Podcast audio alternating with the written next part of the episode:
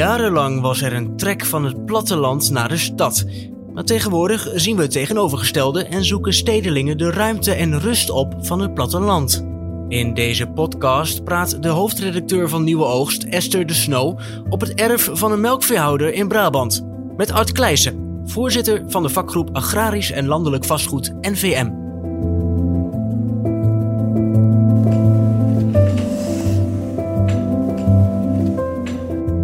Vorige week zijn jullie met cijfers gekomen voor de huizenmarkt. Daaruit bleek ook dat er uh, echt wel een trek is vanuit de stad nu naar het platteland toe. We hebben jaren gezien dat dat juist andersom was. Ja. Uh, hoe, hoe, merk je dat ook qua prijsontwikkeling en qua verschil ook in regio's wellicht die er zijn? Ja, dat klopt. Eh, NVM is vorige week met de marktinformatie naar buiten gekomen voor de woningen, gemiddeld over heel Nederland. Dan heb je het over de woningen in stad en dorp. Uh, binnenkort komen wij met de cijfers van uh, echt het platteland, de woonboerderijen. Maar wat je nu al ziet in de cijfers is dat mensen vanuit de stad naar het platteland trekken. Bijna een verdubbeling sinds 2015. Ja, en dat is ook de reden waarom we hier nu al staan. Hè? Uh, nog even niet die cijfers zeg maar, afwachten. We vonden dit inderdaad wel zo aanleiding genoeg om hier alvast over verder te praten. Zeker, zeker. Um, hoe merk je dat ook inderdaad in de prijsontwikkeling? Nou, de prijsontwikkeling van woonboerderijen die lift mee in de prijsontwikkeling van de, van de woningen. Met, met toch weer een stijging van eh, ruim 11% eh, op jaarbasis. Uh, woonboerderijen lopen altijd iets achter op de prijsontwikkeling van, die, van de gemiddelde woningen. dat heeft te maken omdat er een, toch iets minder vraag is naar, naar, naar de woningen in het platteland. Ja. Um, maar we zullen zien dat daar ook een lichte stijging in te zien is. de sfeer van het platteland is natuurlijk mooi om, om er te willen wonen. maar je moet ook goed opletten wat je koopt. En eigenlijk, corona is wel echt een aanleiding, hè? Dat we nu die kanteling zien. Ja, wat we afgelopen uh, jaar gezien hebben, uh, dat, er, uh, dat er meer vraag is naar ruimere woningen. Gemiddeld zoekt men ongeveer 40 vierkante meter meer woonoppervlakte door de corona, omdat mensen meer gaan thuiswerken. Ja. En, vorig jaar was dat natuurlijk, begin vorig jaar konden we dat niet, niet voorspellen. begin vorig jaar hadden we natuurlijk een zorg van wat gaat dat dan doen met de economie? Wat gaat dat doen op de woningmarkt? Wat gaat dat doen op, uh, op het hele vastgoedgebeuren in, uh, in heel de wereld? Natuurlijk ook Nederland. Dus begin vorig jaar waren we aan het zorgen. Um, ik wil niet zeggen dat zorgen weg zijn, want wat gaat dat dit jaar weer doen natuurlijk. Um, maar het is een hele bijzondere, bijzondere verschuiving geweest afgelopen jaar in het vastgoed. Hebben hier boeren nu ook baat bij, bij deze ontwikkeling? Nou, bij boeren speelt uh, nog veel meer. Daar speelt uh, de onzekerheid op de stikstof uh, veel meer. Mm -hmm. en boeren hebben baat bij deze ontwikkeling, wat je zegt, wanneer, wanneer een boer zijn boerderij wil verkopen. Kijk, als een boer zijn boerderij verkoopt als agrarisch bedrijf aan een andere agrariër, dan heeft die invloed van de van woningsector niet zo heel veel, heel veel invloed. Want dan wordt het echt als bedrijf verkocht. Dat is redelijk, redelijk stabiel gebleven. en niet zo hard gestegen dan de huizenprijzen.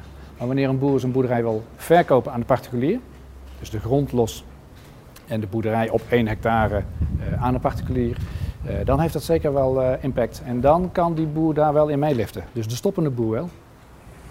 Dus de stoppende boer die zou hier baat bij kunnen hebben als hij alleen de bedrijfswoning, zeg maar, met wellicht een stukje grond erbij aangekoppeld, apart zou verkopen van de stallen en de rest van het bedrijf. Ja, want wat we gezien hebben is dat de verkoop van dit soort bedrijven, die dus ontmanteld worden, dus de vrijkomende agrarische bedrijven, dat die uh, beter en makkelijker verkocht worden, omdat mensen uh, meer ruimte zoeken, de stad uit willen naar het platteland uh, en de prijzen gestegen zijn.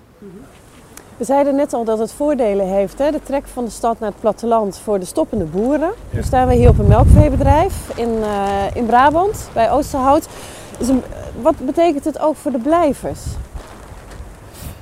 Ja, kijk, de trek vanuit de stad naar het platteland, uh, er zijn veel voordelen.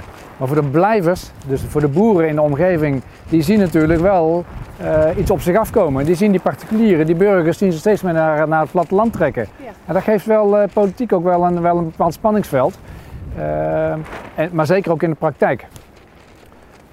Neem als voorbeeld drie verschillende bedrijven op een rij, veebedrijven. Middelste gaat weg, die, die verkoopt zijn grond aan de buren. Daar zijn de buren blij mee, want die willen groeien en eh, die, die kunnen in, in oppervlakte groeien.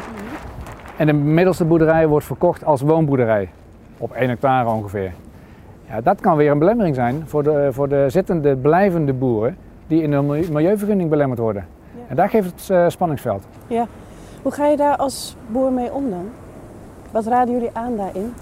Nou, kijk, als NVM-makelaar heb je natuurlijk een opdracht van één van die partijen. In dit geval, dit voorbeeld, heb je de opdracht van de middelste boer die zijn boerderij wil verkopen. Dan ga je als makelaar ga je eerst kijken, is dat bedrijf nog in totaliteit als bedrijf te verkopen? Of is het beter voor die ondernemer om het bedrijf gesplitst te verkopen? Dus daar ga je naar kijken. Kijk ook naar de omgevingsfactoren. Uh, want je kan wel de makkelijkste weg kiezen of de beste weg voor die ondernemer. Maar als dat voor het gebied niet goed is, ga je dat wel met elkaar bespreken. Um, ja, en er zijn heel veel factoren die, die, die, die afhankelijk zijn welke keuze er gemaakt wordt. Ik zei al, uh, we zijn nu hè, in Brabant. Uh, op het moment uh, zijn er veel regionale verschillen ook te zien. Absoluut regionale verschillen door het land heen. Je hebt met, met, met andere wet en regelgeving te maken. Provincies die ander beleid hebben. maar zeker ook vraag en aanbod. Kijk, in een gebied waar weinig veehouders zitten, weinig agrarische bedrijven, daar is de vraag naar landbouwgrond al minder. waardoor de grondprijzen lager zijn. er zitten absoluut regionale verschillen. Ehm, ja, wat ik zeg, vraag en aanbod is eigenlijk de belangrijkste eh, factor. Ja, want zie je ook bijvoorbeeld dat uh, die trek is wel echt vanuit de Randstad, uh, toch vooral hè, richting naar het platteland. maar zie je dan vooral ook de, daaromliggende, het aangrenzende deel, zeg maar, rondom die Randstad, wat dan het meest ook in trek is? Of trekken gezinnen, twee verdieners, ook echt verder het land in naar het buitengebied toe? Nou, wat, wat we zien is dat uh, meestal uh, mensen tussen de 40 en de 60 naar het platteland willen. De jeugd blijft vaak wel eerst hangen uh, in, in, de, in, de stad. Um, maar op latere leeftijd, meestal wanneer de kinderen van de basisschool afgekomen zijn, dat men dan wat, wat ruimer wil gaan wonen naar het platteland wil. En later wil men weer terug naar die voorzieningen toe, naar de, naar, naar, naar de stad. Um, en het, ja, je ziet dat de, de prijzen met name eh, gesteken zijn rondom de grote steden. Dus niet te ver het platteland in. We staan hier op een uh, melkveehouderij die ook een tweede tak heeft, namelijk een pensionstal uh, en ook lesgeeft. Uh, gericht op particulieren, dat is precies waar we het nu ook over hebben, hè? die trek van de particulieren naar het platteland. dit bedrijf zou daar bijvoorbeeld wel voordeel bij kunnen hebben dus. Dat zou een mogelijkheid kunnen zijn. Ik heb natuurlijk geen zicht op, op hoe vol dit bedrijf zit met pensioenstalling en lesgeven. Maar het is, het, is, het is eigenlijk een logische gedachte wanneer er meer mensen in het gebied komen wonen hier, in, in dit gebied, als dat gebeurt. Ik zeg niet dat dat op dit moment aan de hand is. Dan, dan, dan komen de klanten als het ware dichter bij dit bedrijf. En dit bedrijf zou dan daar baat bij kunnen hebben. door de pensioenstallen hier, dat, er, dat, die, dat die voller komen te staan. Dat er meer klanten zich hier aanmelden. En ook naar het lesgeven, dat er meer, meer klanten zijn die gebruik daarvan maken, van, van het lesgeven. Ja. Dus dat, uh, dat zou een logische gedachte kunnen zijn. Ja. We hadden het eerder al even voor echt sterk het boerenbedrijf dat die druk uh, echt wel gaat toenemen. Dat die wel merkbaar gaat zijn. Uh, niet altijd dus in het voordeel. Ja. of kan het niet altijd inderdaad in het voordeel zijn omdat die, de druk op grond en vastgoed gewoon gaat toenemen. Wat heeft het nog meer zeg maar, voor consequenties? Nou, we zien al jaren een verschuiving dat, dat de, de agrarische bedrijven, het aantal agrarische bedrijven elk jaar afnemen. Dat zien we al jaren gebeuren. Uh, uh, ik ben benieuwd wat het gaat doen met de nieuwe stikstofmaterie. Uh, we hebben het in de fosfaatrechten gezien de afgelopen jaren dat er veel bedrijven, mooie agrarische bedrijven, met de melkveehouderij stoppen door de wet en regelgeving veranderingen. Dus ik denk dat dat voor de, in, in de stikstofmaterie, wat we binnenkort gaan zien, ehm, dat het ook wel een, een verschuiving gaat geven ben ik zeer benieuwd naar wat dat gaat doen. Uh, en als je het dan hebt over uh, de verschuiving van de vraag uh, om in het platteland te gaan wonen, ehm, kan dat echt wel een belemmering zijn voor de boeren die door willen in het buitengebied. Dus het is wel een bepaald spanningsveld. Ehm, de boeren zien die particulieren op en afkomen. Kan een voordeel zijn voor degene die stopt, maar ja, er, zijn ook, er zijn ook belemmeringen. En ja, als sector, als, als makelaars, willen we dat zeker ook wel in ogenschouw nemen, om daar rekening mee te houden. Het uh, zomaar verkopen van een boerenwoning, uh, die eigenlijk ook een agrarische bestemming heeft, hè, in ieder geval onderdeel is van een agrarische stemming, is niet zo heel makkelijk. Klopt dat? Nou, uh, je, je doelt met name, wat niet zo makkelijk is, is wanneer je een, eh, een boerenbedrijf hebt met agrarische bestemming, de boer stopt ja. en je verkoopt de boerderij met een klein beetje grond, dus niet als agrarisch bedrijf, maar je verkoopt het als, als woonboerderij, zeg maar, aan de particulier. dat gaat niet zo heel makkelijk. Niet zo heel makkelijk als de vrijstaande woning in het dorp of de stad. Het heeft alles te maken met, uh, met de bestemming en andere re regelgeving. Um, ik kan er het beste denk ik met een voorbeeld even bij benoemen. Ja. We hebben zo'n tien jaar geleden hebben wij uh, voor een uh, stoppende boer hebben wij zijn, zijn land, land, verkocht, zijn landbouwgrond verkocht. Dat is allemaal gegaan naar collega-boeren in de omgeving, veehouders, melkveehouders. Dus het was een melkveehouderij, stopte met het bedrijf. De grond is verkocht aan de collega's. En toen hebben wij geadviseerd, uh, omdat die boer wilde blijven wonen, uh, hebben wij het advies gegeven om de bestemming van die boerderij te wijzigen naar een VAP-bestemming.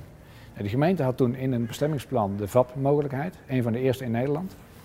En uh, dat is toen een vrijkomende agrarische bedrijfsbestemming ge geworden. Mm -hmm. Mogelijkheid voor die boer was om te blijven wonen. Heeft toen een hoveniersfunctie uitgevoerd.